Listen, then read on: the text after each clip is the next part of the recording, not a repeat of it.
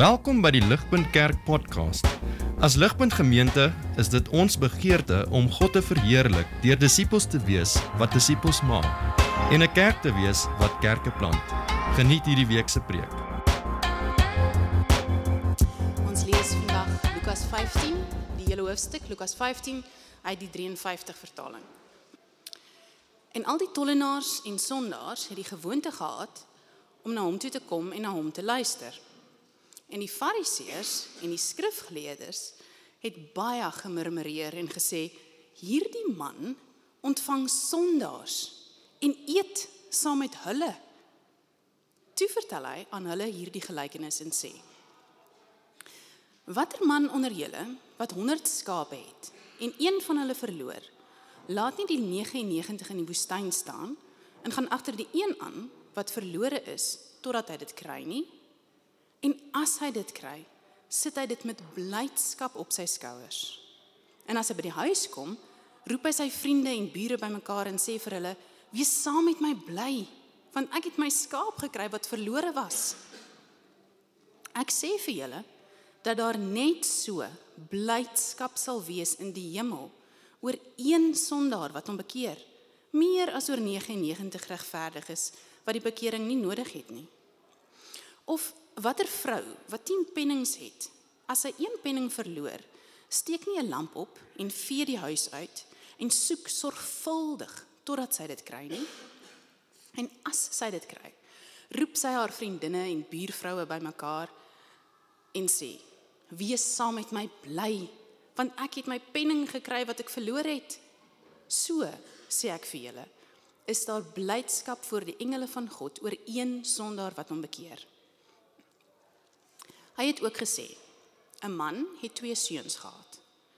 En die jongste van hulle het vir sy vader gesê: "Vader, gee my die deel van my eiendom wat my toekom." En hy het die goed tussen hulle verdeel. En nie baie dae daarna nie, het die jongste seun alles bymekaar gemaak en gereis, weggereis na 'n ver land. En daar het hy sy eiendom verkwis deur losbandig te lewe. En toe hy alles deurgebring het, kom daar 'n swaar hongersnood in daardie land en hy het begin gebrek ly. Toe het hy hom by een van die burgers van daardie land gaan voeg en die het hom in sy veld gestuur om varke op te pas. En hy het verlang om sy maag te vul met die peule wat die varke eet en niemand het dit aan hom gegee nie. Maar hy het tot homself gekom en gesê: "Hoe baie huurlinge van my vader het oorvloed van brood en ek vergaan van die honger. Ek sal opstaan en na my vader gaan en ek sal vir hom sê: Vader, ek het gesondig teen die hemel en voor U en ek is nie meer werd om U seun genoem te word nie. Maak my soos een van U huurlinge. En hy het opgestaan en na sy vader gegaan. En toe hy nog ver was, het sy vader hom gesien en innig jammer vir hom gevoel en gehardloop en hom omhels en hartlik gesoen.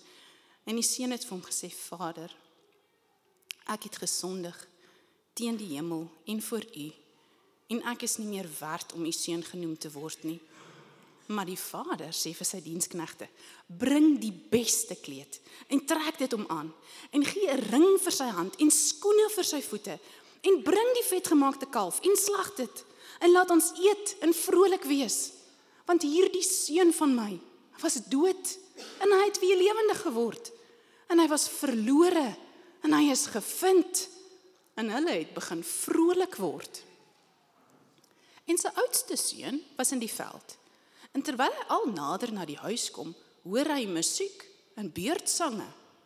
En hy roep een van die diensknegte na hom toe en vra wat dit beteken.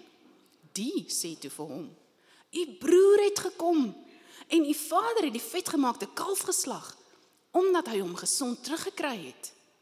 En hy het kwaad geword en wou nie binne gaan nie.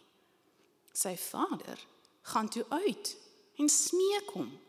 Maar hy antwoord en sê vir sy vader: "Kyk. Ek dien u so baie jare en het nooit en ek het nooit u gebod oortree nie En vir my het hy nooit 'n bokkie gegee sodat ek saam met my vriende vrolik kon wees nie.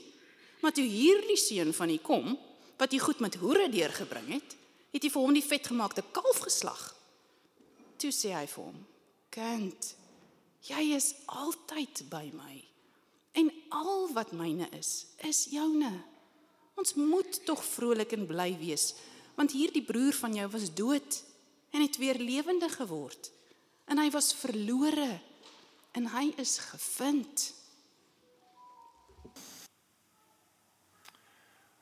Vader, dit is inderdaad 'n tyd vir baie van ons vir ons bitter besig is met 'n magdom van dinge. Ons sit hier vanoggend en ons koppe en die, net soos wat ons probeer stil raak, is die gedagtes in ons uh in ons koppe um, skreeu uit. Ons dink aan behoeftes wat ons het. Ons dink aan 'n verlangens wat ons mag hê. Ons dink oor dinge wat ons hartseer maak en ons bang maak. Here, daar's groot versoekings wat elkeen van ons ervaar. Here die stemme is hard en duidelik in hierdie wêreld en in hierdie oomblik in ons eie gemoedere. En so Here, ons kom na U toe en ons wil stil raak. Ons wil vir U die spreekbeurt gee. Vader, sal U die een wees wat harder praat as al die stemme wat daar buite is en ook selfs binne in ons is. Here, U beloof dat U praat deur die woord soos wat u in u seun u self aan ons openbaar in die kragtige werking van die gees. Here kom doen daai wonderwerk ook nou in elkeen van ons en ons smeek dit van u af in Jesus se goeie naam. Amen.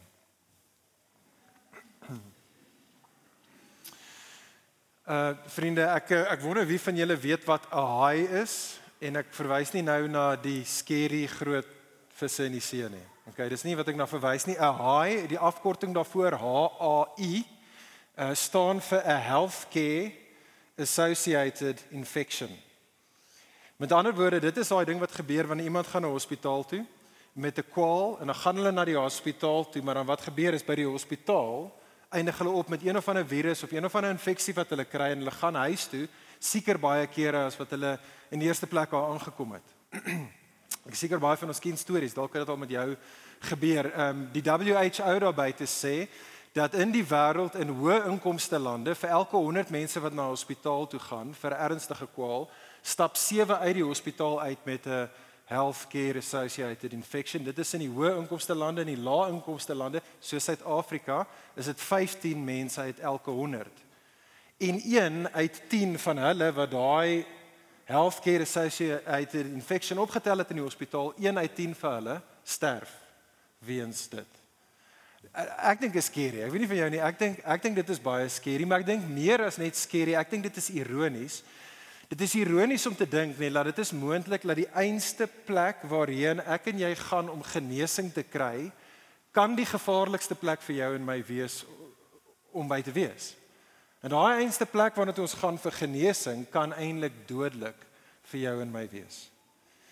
En ek verwys hier na vriende want ek dink daar is 'n baie sterk korrelasie tussen dit wat waar is van hospitale en dit wat waar is van kerke. Ek bedoel kerke is geestelik gesproke is 'n kerk soos 'n siekeboeg. Kerk is 'n plek waar ons kom as 'n mense wat diep bewus is van ons eie gebrokenheid, ons behoeftigheid, Ons ons is bewus van die feit dat ons het geestelike genesing nodig. Ons weet dat hierdie is die plek waar die groot geneesheer Jesus teenwoordig is. En so ons kom saam as geloofsgemeenskappe as mense wat bitter graag genesing wil hê, maar die ironie is dat baie kere kan presies dieselfde ding met ons gebeur as wat gebeur as jy 'n healthcare associated infection optel by 'n hospitaal. Kerk kan 'n baie gevaarlike selfs 'n dodelike plek vir jou en my raak. Daar's 'n geestelike virus wat opgetel kan word in die gemeenskap van gelowiges meer as op enige ander plek in die wêreld. Daar's 'n spesifieke tipe van virus wat in hierdie broeikas kan groei meer as ek dink in enige ander plek in die wêreld daar buite en dit is die geestelike kondisie genaamd selfgeregtigheid. Ek dink ons is almal meer vertroud met die Engelse woorde eh, as die as die groot Afrikaanse woord selfgeregtigheid en dit is die idee van self-righteousness. Nou as ek 'n vinnige definisie daarvoor kan gee, selfgeregtigheid is die gevalle geneigtheid om op jou eie geregtigheid staat te maak. En o, oh, dit is 'n dis dis nie 'n lekker ding nie. Dit is 'n gevaarlike ding. Dit is 'n ding wat ons almal spot dit 'n myl ver en iemand anderste ons haat dit wanneer ons self righteousness daar sien. Maar die hele aard van hierdie kondisie as jy hom het, as jy sukkel om dit in jou self te sien. En die realiteit is is dat as dit waar is met healthcare associated infections dat so 7 tot 15 uit elke 100 mense dit opdoen as hulle na hospitale toe gaan, is die realiteit vriende dat ek sou sê amper almal van ons elkeen van ons binne in die kerk as gelowiges worstel of tot 'n mindere of tot 'n meerdere mate met hierdie geestelike kondisie genaamd selfgeregtigheid. En so dit is wat ek graag wil hê ons saam oor vandag moet gesels. Vriende, hoekom? Hoekom is dit dat ek en jy so maklik verval daarin? Hoekom verval ons in selfgeregtigheid? Wat is dit wat ons vergeet? Soos wat ons perspektief verloor wat ons laat val in daai self-righteousness in. Maar meer belangrik is dit, hoe bly 'n mens immuun teen hierdie dodelike geestelike siekte genaamd selfgeregtigheid? Self En om dit te antwoord gaan ons saam kyk na Lukas 15. Hierdie baie baie bekende gedeelte wat nou net so pragtig vir ons gelees was ook. So tel asseblief jou jou blaadjie by die rand of maak jou Bybel oop en kyk saam met my daarna die konteks van die drie gelykenisse in ons gedeelte in Lukas hoofstuk 15 vers 1 tot 2. En ek wil eers met dit raak sien. As jy laasweek hier was, sê jy onthou dat in die begin van Lukas 14 het ons daar vir Jesus gevind by 'n tafel, by 'n eet, by 'n feesmaal En Jesus het daar om tafel gesit in Lukas 14 saam met die Fariseërs en die skrifgeleerdes. Nou hierdie keer vind ons weer vir Jesus by 'n tafel. Hy's aan die eet, hy't weer mense om ons. Maar sien jy dit daar in, in hoofstuk 15 vers 1 tot 2? Dit is die Fariseërs en die skrifgeleerdes wat hierdie keer saam met hom om die tafel. Uh, sorry, jammer, dit is nie die Fariseërs en die skrifgeleerdes wat saam met hom om die tafel is nie. Die teks sê vir ons dit is die tollenaars en die sondaars wat saam met Jesus nou aan tafel sit en die ouens van laasweek die fariseërs en die skrifgeleerders hulle like dit glad nie. Hulle was baie in hulle noppies toe Jesus hierdie rabbi tyd met hulle spandeer maar nou kom hulle agter hulle is nie so belangrik nie. Hierdie Jesus spandeer tyd met die tollenaars en die en, en die sondaars en hulle hou nie daarvan nie. sien jy dit daar in vers 2 hierdie is wat hulle mor. Die woord is murmureer daarso. Hulle en murmureer onder mekaar en hulle sê hierdie man wel hy ontvang sondaars en hy eet saam met hulle. Vriende, dit wat ons hierso sien van die fariseërs en die skrifgeleerdes hier is hierdie geestelike kondisie van selfgeregtigheid en dit is die konteks waarin Jesus dan die volgende 3 gelykenisse gaan vertel. Ek dink hierdie is baie belangrik. Hoor asseblief tog mooi. Ek dink dat meeste van ons wanneer ons kom by Lukas 15 se gelykenisse, het 'n bietjie van 'n idee. Ons kan sien dat die gelykenisse hou so 'n bietjie verband met mekaar, maar ons lees hulle baie kere apart van mekaar. Ek dink ons gaan almal altyd al, altyd na die verlore seun toe. Dit is die lekker een en dit is die een wat ons mee bekend is en ek dink ons mis dat hierdie drie gelykenisse kom as 'n een eenheid van na ons toe vanaf Jesus. Hulle is bedoel om as 'n een eenheid geïnterpreteer te word. Dit is soos 'n triplet waar die eerste gelykenis gegee word, dan die tweede een en die derde een en elkeen van hulle bou op mekaar. En hoekom dit belangrik is, vriende? Want as ek en jy kan wil verstaan wat dit is wat Jesus vir jou en vir my in hierdie gelykenisse wil leer, dan het ons nodig om onsself af te vra, wat is die ding wat onder hierdie gelykenisse dieselfde is? Wat is die wat is die die die ooreenkomste tussen al drie gelykenisse? Maar dan ook tweedens, Wat is die unieke goeders wat uitstaan wat anderste is in in in in die gelykenisse van mekaar? OK, en so dit is wat ons gaan doen. Hou julle Bybels by die rande. Ons gaan kyk na hierdie twee gelykenisse aan die hand van die volgende twee punte. Dit behoort ook op die skerm te kom. Twee lewensbelangrike waarhede, vriende, wat Jesus vir selfgeregtigdes wil aan aan wil herinner. Hier's die eerste waarheid wat Jesus jou en my aan wil herinner. En dit is hy sê onthou hoe God oor verlorenes voel. Dis die eerste ding wat selfgeregtigdes moet onthou. Besef, onthou hoe God oor verlorenes voel. En so kom, ek gaan gou vinnig deur die drie gelykenisse met ons hardloop. Die eerste gelykenis is die verlore skaap. Okay, ek dink meeste van ons ken die storie.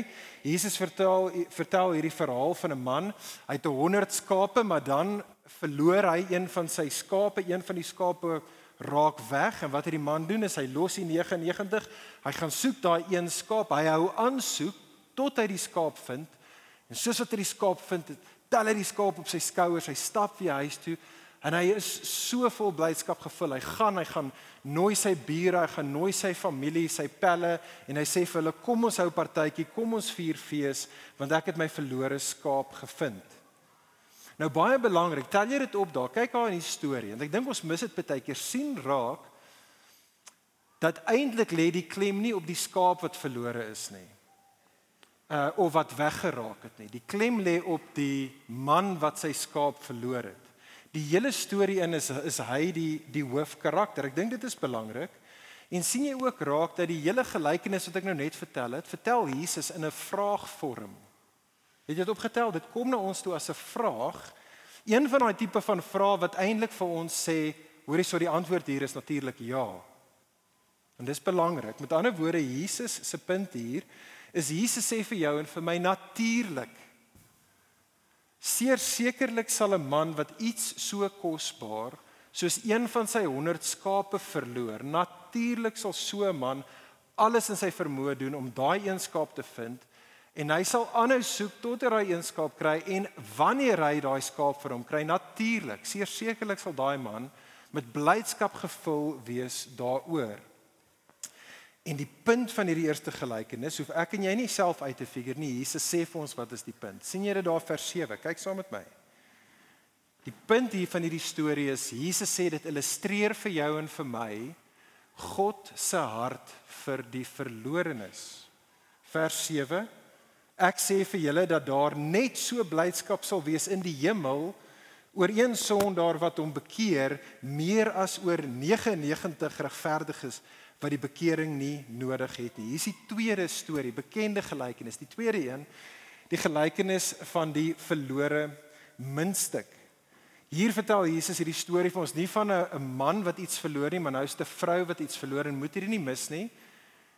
Die spanning is besig om op te ratchet. Die die stories is besig om te eskaleer. Die waarde van dit wat verloor het is nou meer as in die vorige storie. Daar was dit 1 uit 'n 100 skape, 1% van hierdie hierdie man se besittings wat verlore was. Nou is dit 1 uit 10 van hierdie vrou se muntstukke. Dis 10% van dit wat aan haar behoort wat sy nou verleer, verloor. Dis iets wat meer kosbaar is, van meer waarde is, maar die storie, die patroon bly dieselfde. En so die storie baie vinnig daar is hierdie verhaal soos wat ons weet van hierdie vrou wat haar een muntstuk verloor En wat sy doen is sy los alles anderste en wat sy gaan is sy doen alles in haar vermoë om die minste wat sy verloor het te vind. Sy sit 'n lig aan, uh, uh, sy sit 'n lig aan en sy vee oral uit en sy soek oral en dan vind sy haar verlore minste en net soos in die vorige storie wat doen sy? Sy is so met blydskap gevul dat sy gaan nooi haar vriendinne en haar buurvroue vir 'n teepartytjie en sy sê vir hulle kom ons vier fees want ek het my verlore muntstuk gevind. En weer eens sien jy daar wat is Jesus se punt met die storie? Jesus sê vir jou en vir my, die punt van hierdie storie is dit kommunikeer, dit illustreer aan jou en my God se hart vir die verlorenes sien jy dit daar in vers 10? Jesus sê so sê ek vir julle is daar blydskap voor die engele van God oor een sondaar wat hom bekeer.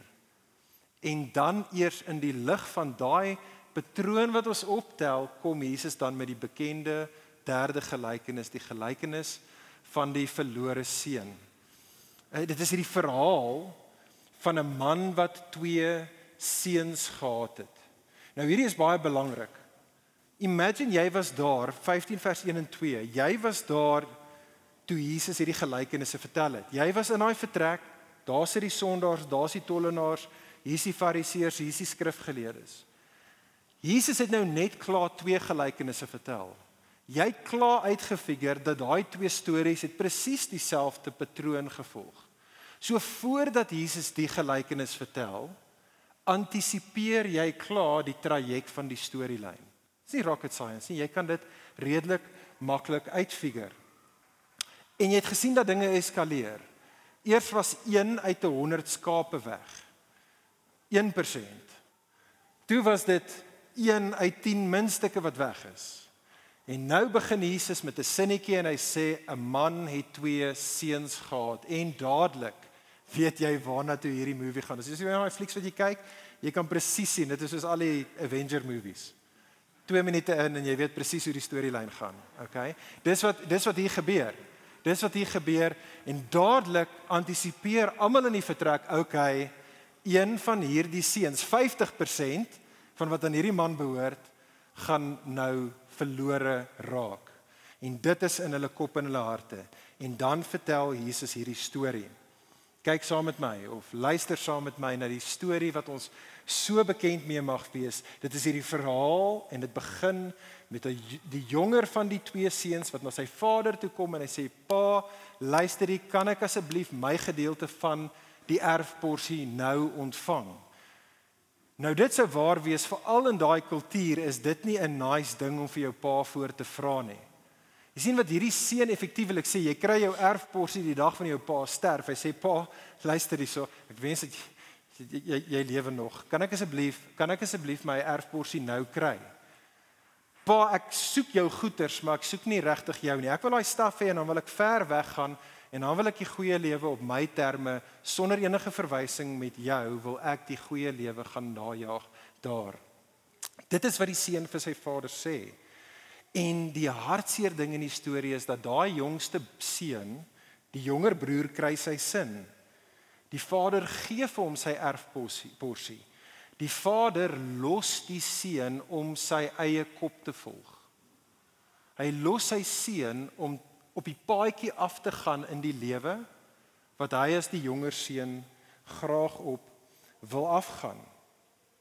En so vertel Jesus in hierdie storie gaan hierdie seun na 'n ver land toe. Hy gaan ver weg, so ver eintlik soos wat hy kan, gaan hy weg vanaf sy vader af weg om sy hartsbegeertes te vervul en moet dit nie mis nie, baie belangrike woordjie.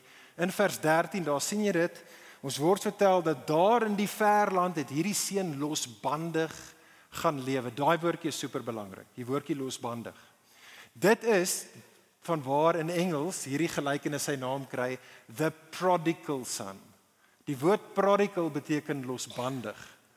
Dit beteken letterlik en hier is die Afrikaans so behulpsaam net. Die woordjie losbandig beteken dat jy maak jouself los van daardie bande wat jy voel jou terughou. Daardie dinge wat jou style krimp, jy maak jou los van daardie bande ten einde jou eie kop te volg. En dit is presies wat hier gebeur. Hierdie ou gaan, hy's in hierdie verland en dit is net party op party op party wat hy het, maar nie lank nie en hy's platsak. En nadat hy platsak is, raak dinge net erger. sien jy dit daar? Hy eindig op in die land waar hy is, is daar 'n hongersnood. Hy's weg van sy vader wat hom kan voorsien. Hy gaan nêrens anderste. Hy hardloop uit geld uit. Nou is daar hongersnood. Soveel so dat hy in die slegste moontlike plek opeindig. En jy moenie die ironie in Jesus se storie mis nie. Hy was 'n klaarblyklik 'n welgestelde dit hy was 'n wealthy jong Joodse man. Nou is hy nie net in 'n ver land nie, dit is 'n heidense land. Hy het niks nie. Hy nou daar word 'n dienskneg, hy word 'n slaaf van 'n heiden. En selfs daar in die heidenland sê die teks as hy ver weg, hy kyk al ver weg en dan wat kyk hy na die onrein varke? En daar waar hy ver weg is, daar saam met die onrein varke, wens hy hy kan hulle pele eet en hy en hy mag nie eers dit doen nie. Nie eers die pele van die onrein varke ver weg in die ver land kan hierdie seun hê nie. Hy is totaal down in the dumps. Vriende, hierdie is die laagtepunt in die storie van hierdie jonger seun. Hy is soos ons sal sê rock bottom. Hierdie is die laagtepunt in sy lewe, maar dit is die goeie punt in sy lewe. Dit is die draaipunt in sy lewe want dit is in daai plek daar tussen die varke, daar tot waar hy droom van pele. Dit is daar waar hy tot sy sinne kom. Dit is daar waar hy onthou. Dit is daar waar hy onthou van sy vaderhuis. Hy onthou hoe goed sy vader is. Dit is daar waar hy sê, hoorie, ek gaan my sondes bely en ek gaan terugkeer en ek is bereid om 'n slaaf te word van my Vader net sodat ek net daar kan wees, daar waar die goeie lewe te vind is saam met my gesin. En so dit is wat hy doen en hy gaan in vers 20 gaan hy keer huiswaarts terug en hy's nog nie hy's hy's nog net so dot daar op die horison en sy pa wat met die met die met die uh, binoculars gesit en gewag het vir hom sien hom en sy pa hardloop en sy pa gaan na hom toe en sy pa hardloop na hom toe omhels hom soen hom en hy's nog net halfpad besig met sy speech. Hy's nog net halfpad besig om nou 'n baie mooi speech vir sy pa te gee en sy pa stop hom en sy pa praat met die diensknegte. Sy pa sê wag wag wag nou. Diensknegte gaan gaan kry my beste kleed. Kom trek dit vir my seun aan. Kom, sit 'n ring op sy vingers, sit skoene aan sy voete, gaan slag vir my 'n uh, vetgemaakte skalf, want ons gaan partytjie hou. Ons gaan nou fees vier. Want my seun, sien jy daar vers 24, hier is die klimaks van die eerste helfte van die storie. Want hierdie seun van my was dood en hy het weer lewendig geword. Hy was verlore en hy is gevind.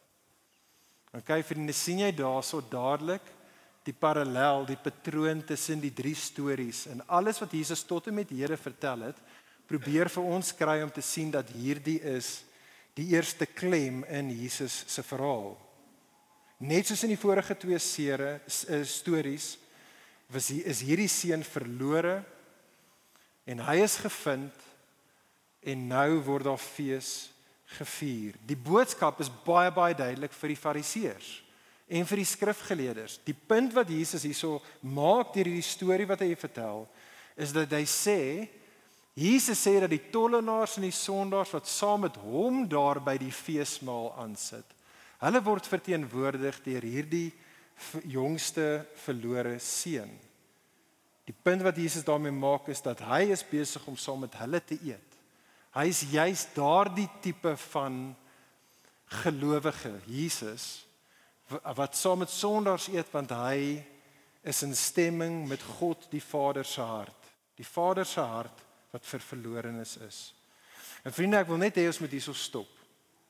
Want ek dink veral vir ons wat gekerk is, is dit so maklik vir ons om dit te hoor maar nie te besef hoe wat die onsaglike implikasies daarvan vir jou en vir my is nie. Besef jy dit, vriend, vriendin, dink net gou, drink dit opnuut in vandag die God van die heelal se hart, die ding wat sy hart laat klop, wat hom warm brand, wat hom beide bitterlik opgewonde maak dat hy wil partytjie hou en wat hom woedend maak dat hy sal oorlog maak, is sy hart vir die verlorenes. Vriende, weet jy dit, besef jy dit, maar die hele rede hoekom die derde gelykenis 'n storie is oor seuns is omdat dit een van indien nie die die die een van die grootste motiewe in die hele storie van die Bybel is nie. Wie weet besef nie Adam word genoem God se seun. Adam was die oorspronklike seun wat sy rug gedraai het op sy vader. Hy wou los gewees het van die bande, die verbond waaronder hy gestaan het. Hy het gedink ek kan in 'n ver land die goeie lewe vir myself kry. Hy het gedink hy kan dit kry, maar in steede van Shalom, wat het hy gekry? Chaos. Israel word genoem God se seun. En net soos Adam kom Israel en Israel draai hulle rug op hulle vader. Hulle sê luister hier, ons wil los wees van die bande wat ons so terughou. Ons wil die goeie lewe op ons terme najag. En so hulle gaan ver weg. En in steede van Shalom in die beloofde land, wat kry hulle? Chaos. En dit is in die lig van dit dat ons hierdie storie het en die vriende dit is in die lig van dit waarin elkeen van ons se lewensstories is. Elkeen van ons hier van nature af, elkeen van ons en almal in die wêreld. Ons is almal van nature af die verlore seun, die verlore dogter. Ons is uit die staanspoor uit 'n mense. Romeine 1 maak hierdie baie duidelik wat ons rug op die ware God gedraai het, soos wat ek en jy hardloop na ons afgode toe. Jy word nie geleer om dit te doen nie. Jy word so in hierdie wêreld ingebore. Ons draai ons rug op die ware God. Ons hardloop na ons afgode toe. Ons dink daar gaan ons die goeie lewe bekom. Dit is waar die regtige lewe te vind is en wat met elkeen van ons daar gebeur is die lewe rafel uit. Net soos die Vader in die storie sê Romeine 1, gee God ons oor aan onsself soos wat ons agter ons gehore aanhardloop. En wanneer God dit doen, ja, sê Romeine 1 is dit oordeel. Maar vriende sien tog die Here se wysheid, sy liefde daarin wanneer hy jou en my oorgee aan onsself. Want wat God doen is hy wil in 'n mate hê ek en jy moet daar op ons eie paadjie by die spreekwoordelike doodloopstraat uitkom. Dit is wat God eintlik wil hê. Hy wil hê ek en jy moet tot die einde van onsself kom. God wil hê ek en jy moet op daai punt kom soos wat hierdie seun gekom het vir ons besef hoe dwaas hoe dwaas was ons nie om te dink dat ons kan ons eie koninkrykie bou nie. Dis in daardie plek waar die Here ons eintlik wil hê. Kan ek jou vra was jy al op daardie plek? Want ek wil vir jou sê vriend vriendin, dit is die beginpunt van die Christen lewe. Dit is wat 'n Christen is. 'n Christen is iemand wat die verlore seun was en wat tot die einde van hom of haarself gekom het en wat dan begin deur die kragtige werking van die Gees onthou dat daar is 'n Vader, daar's 'n Vaderhuis en wat alles in hulle hulle sondes dan bely en besef Here, maar dit is ek wat my op hierdie plek gekry het en wat dan in geloof opstaan daar uit die sak en as uit in bekering terugdraai na die Vader toe en wat bereid is om die om 'n om 'n slaaf te wees om ten volle hulle regte oor te gee as hulle maar net in die Vader se huis kan wees. Dit is wat 'n Christen is. 'n Christen is iemand wat dan by sy Vader ontmoet en dan hoor Jy hoef nie 'n slaaf te wees nie. Jy kan my seun, my dogter, my kind wees.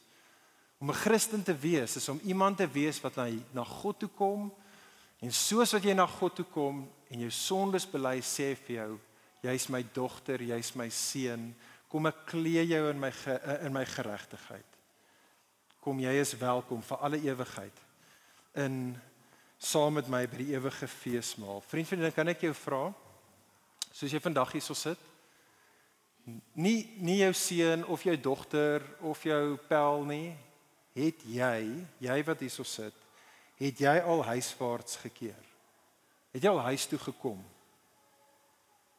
Dit so so so daadwerklik soos wat dit was vir hierdie seun ver weg in die land. Hy moes hy kon nie net in sy kop gesê het ek wil huis toe gaan hè. Hy moes opstaan Hy moes omdraai en hy moes gaan. Het jy dit al gedoen? Dis die Christen lewe. Indien jy sê nee, kan ek jou aanspoor soos jy vandag hier so sit as jy dit nog nie gedoen het nie. Kom asseblief huis toe. Kom huis toe. Die wonderlike waarheid wat Jesus hier vir jou en my vertel is dat jy en ek, ons is almal welkom As jy gaan terugkom na jou Vader toe, gaan hy jou nie stertes in die bene wegjaag nie. Hy gaan jou omhels. Hy gaan jou nader trek. Hy gaan jou klee in sy geregtigheid. Hy sal jou kunskap bevestig en jy sal vir alle ewigheid by die feesmaal welkom wees. Kom kom huis toe.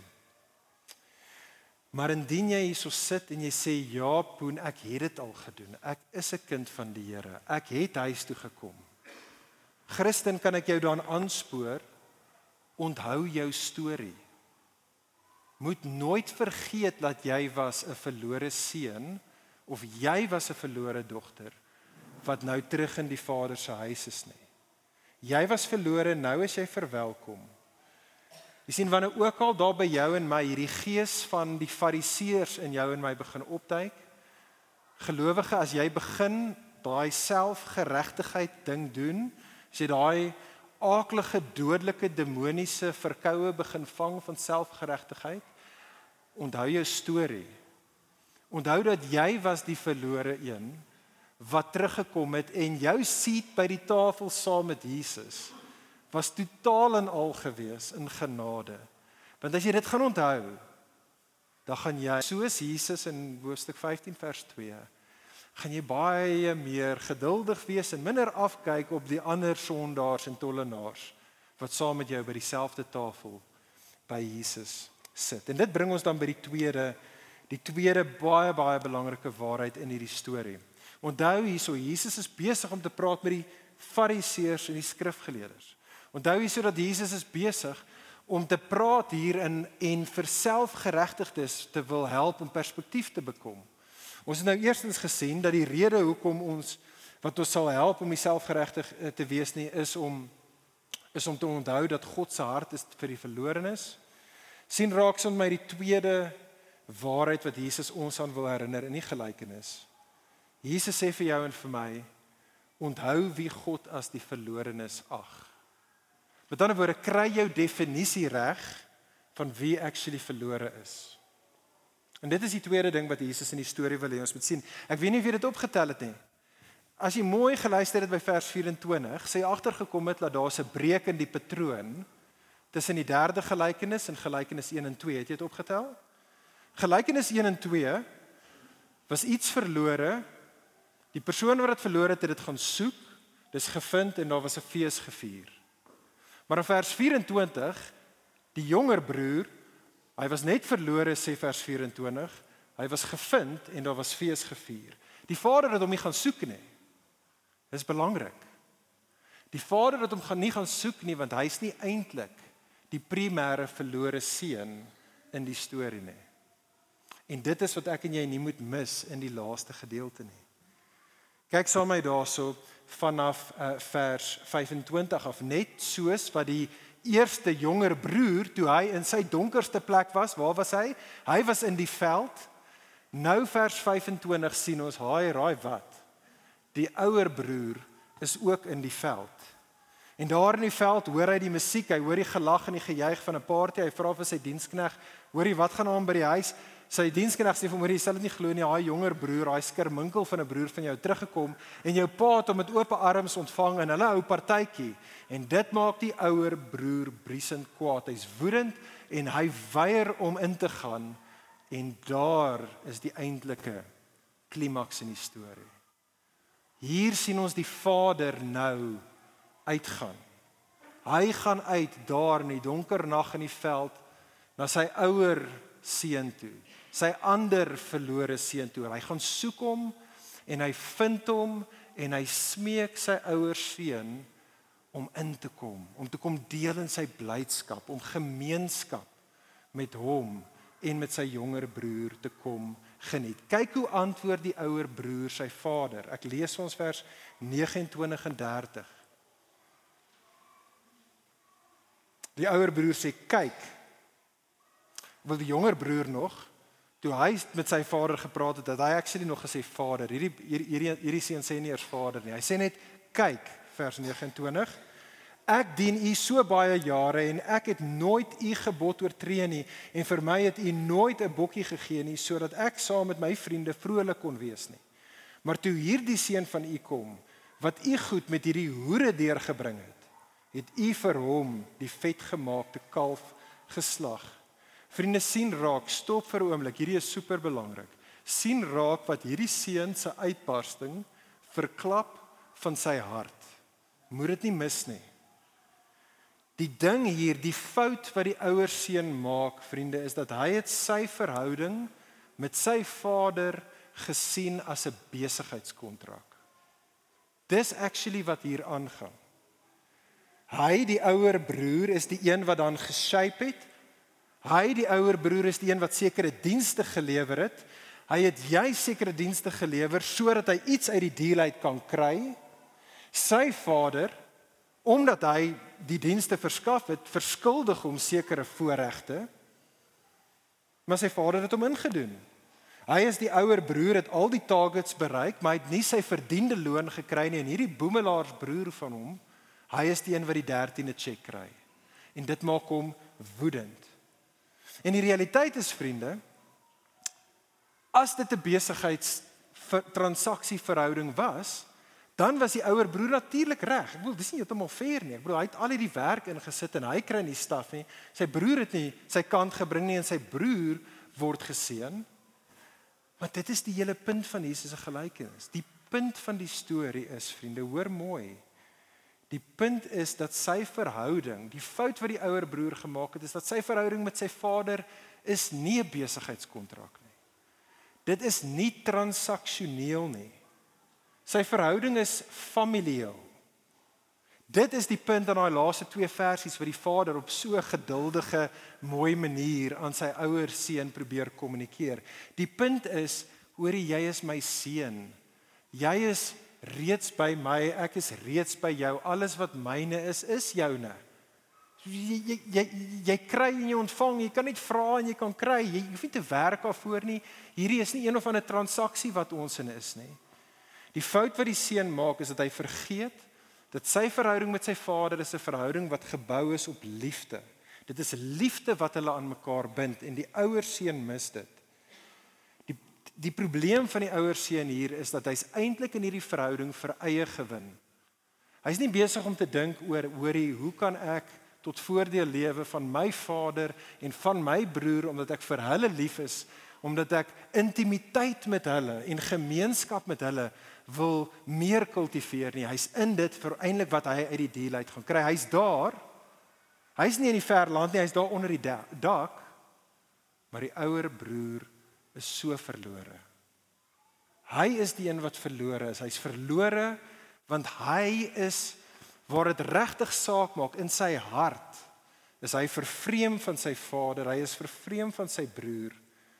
En hy is vervreem want hy is vasgevang in sy eie selfgeregtigheid. Nou vriende, hoor mooi. Die Fariseërs en die skrifgeleerders 15 vers 1 en 2 sou baie duidelik hulle self in die storie gesien het. Op hierdie stadium in die storie sou hulle baie goed geweet het dat Jesus verwys na hulle as die ouer broer. Maar die vraag is kan ek en jy onsself daar sien? sien jy jouself in daai storie raak. Weereens, dis die gevaar met selfgeregtigheid baie kere is dat ons mis dit in onsself. En so ek wil so vinnige hier in die hospitaal, die geestelike hospitaal. Kom ons doen gou 'n 'n vinnige self-diagnostiek van of ons ek en jy dalk moontlik in gevaar is om selfs net op 'n bietjie in hierdie ouer broer mentaliteit te val. Kan ek 'n paar vrae vra vir ons? Antwoord hierdie vrae vir jouself in hierdie toets om te sien of ons die selfgeregtigheidsvirus gevang het of nie.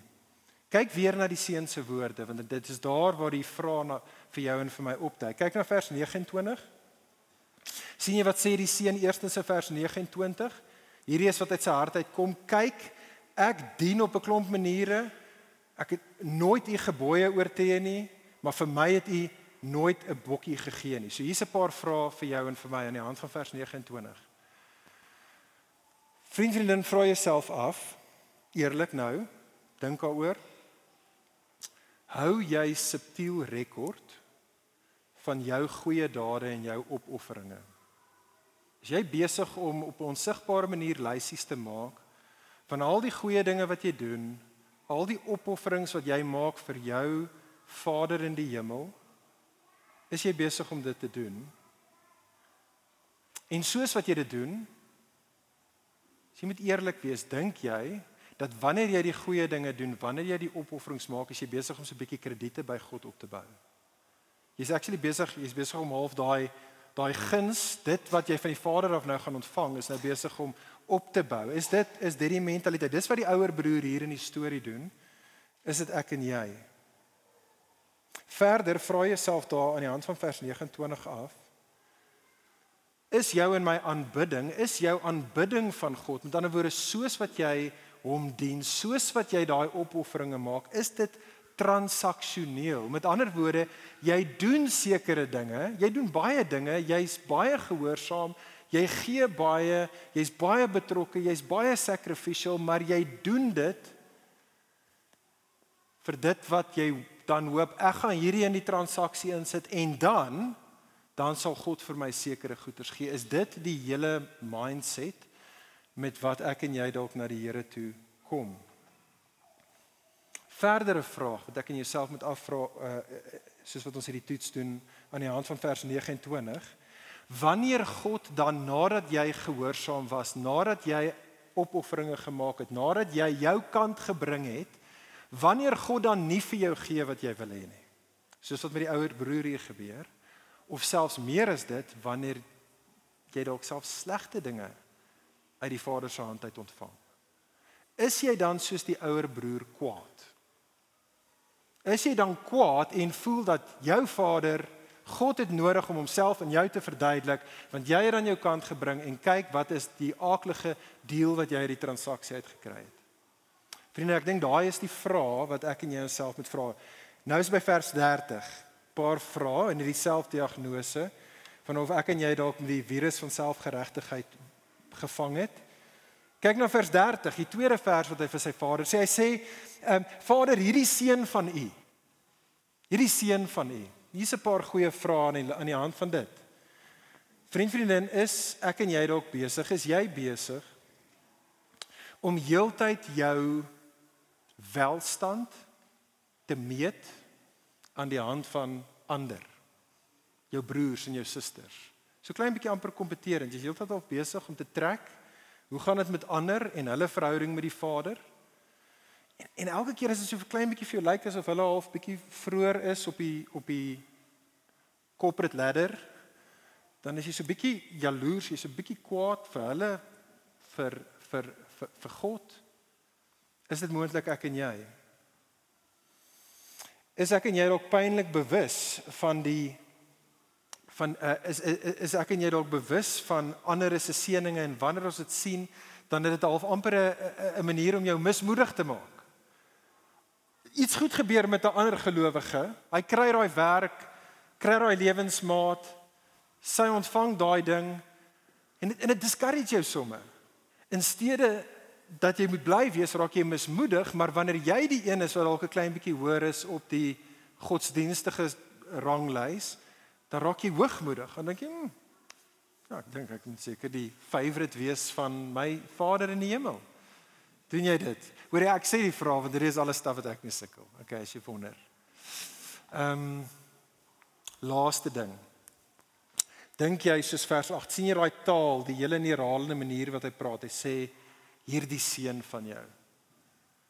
Vind jy dat dit is dalk moontlik jy dat jy kyk selfs hier vandag of in jou ligpunt gesin of in die kerk of selfs in die wêreld buite en jy sien sekere mense en hulle sê hulle is um, broers en susters van jou, hulle is medegelowiges in Jesus, maar jy kyk en jy dink jy weet wat?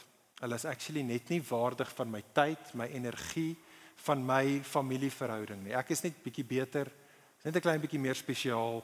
Dis maar dis dit dit is dit is God se ander dit dis hierdie seun van jou. Hierdie dogter van jou. Vind jy dat jy dalk moontlik in dit verval? Vriend, vriendin, as enige van hierdie vrae ek of jy mag wees vir Jesus omdat hy lief is vir ons, soos wat Jesus lief was vir die fariseërs en vir die skrifgeleerders. Wil Jesus jou en my waarsku. Jesus wil vir jou en vir my sê pas op. Pas op vir hierdie ouer broer mentaliteit. Bekeer.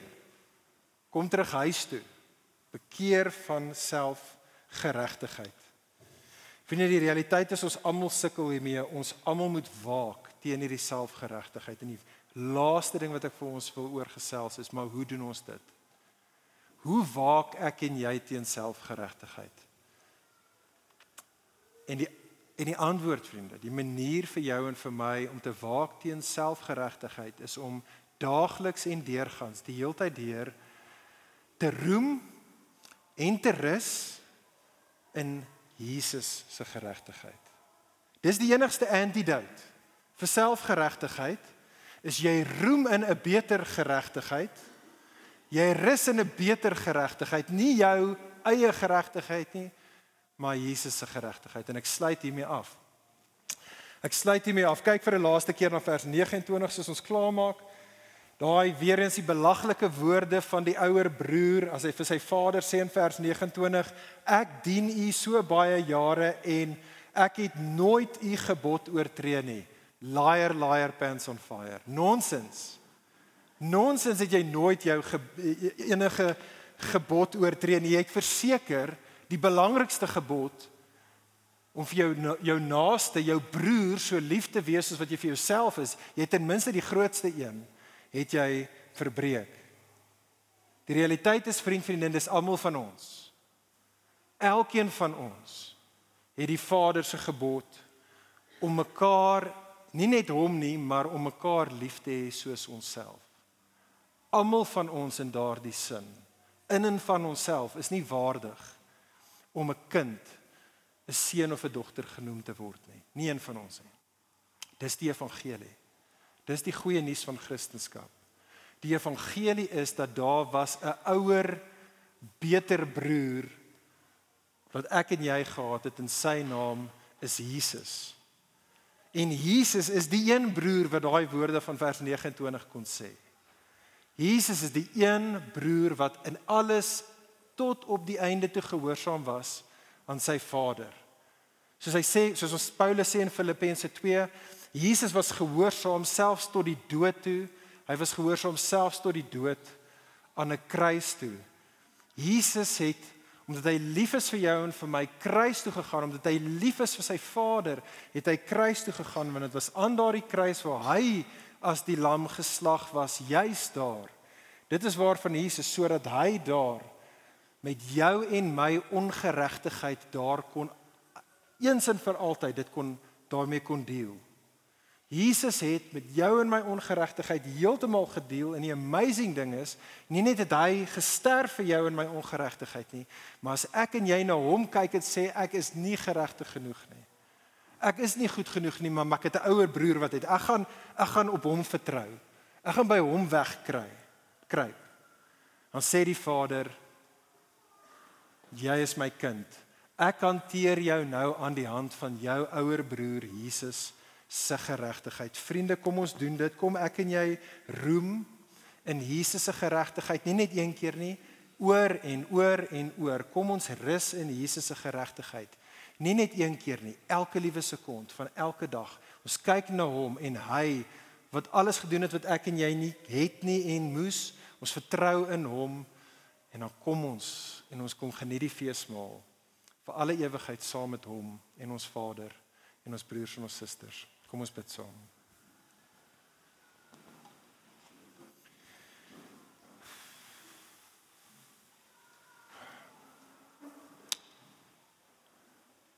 Hemelse Vader, ons kom na U toe en ons wil vir U loof en prys dat ons U Vader kan noem danksy ons ouer broer Jesus. Jesus, ons loof en prys U dat U U self vir ons gegee het sodat ons gekleen geregtigheid vir alle ewigheid in die Vader se huis kan wees.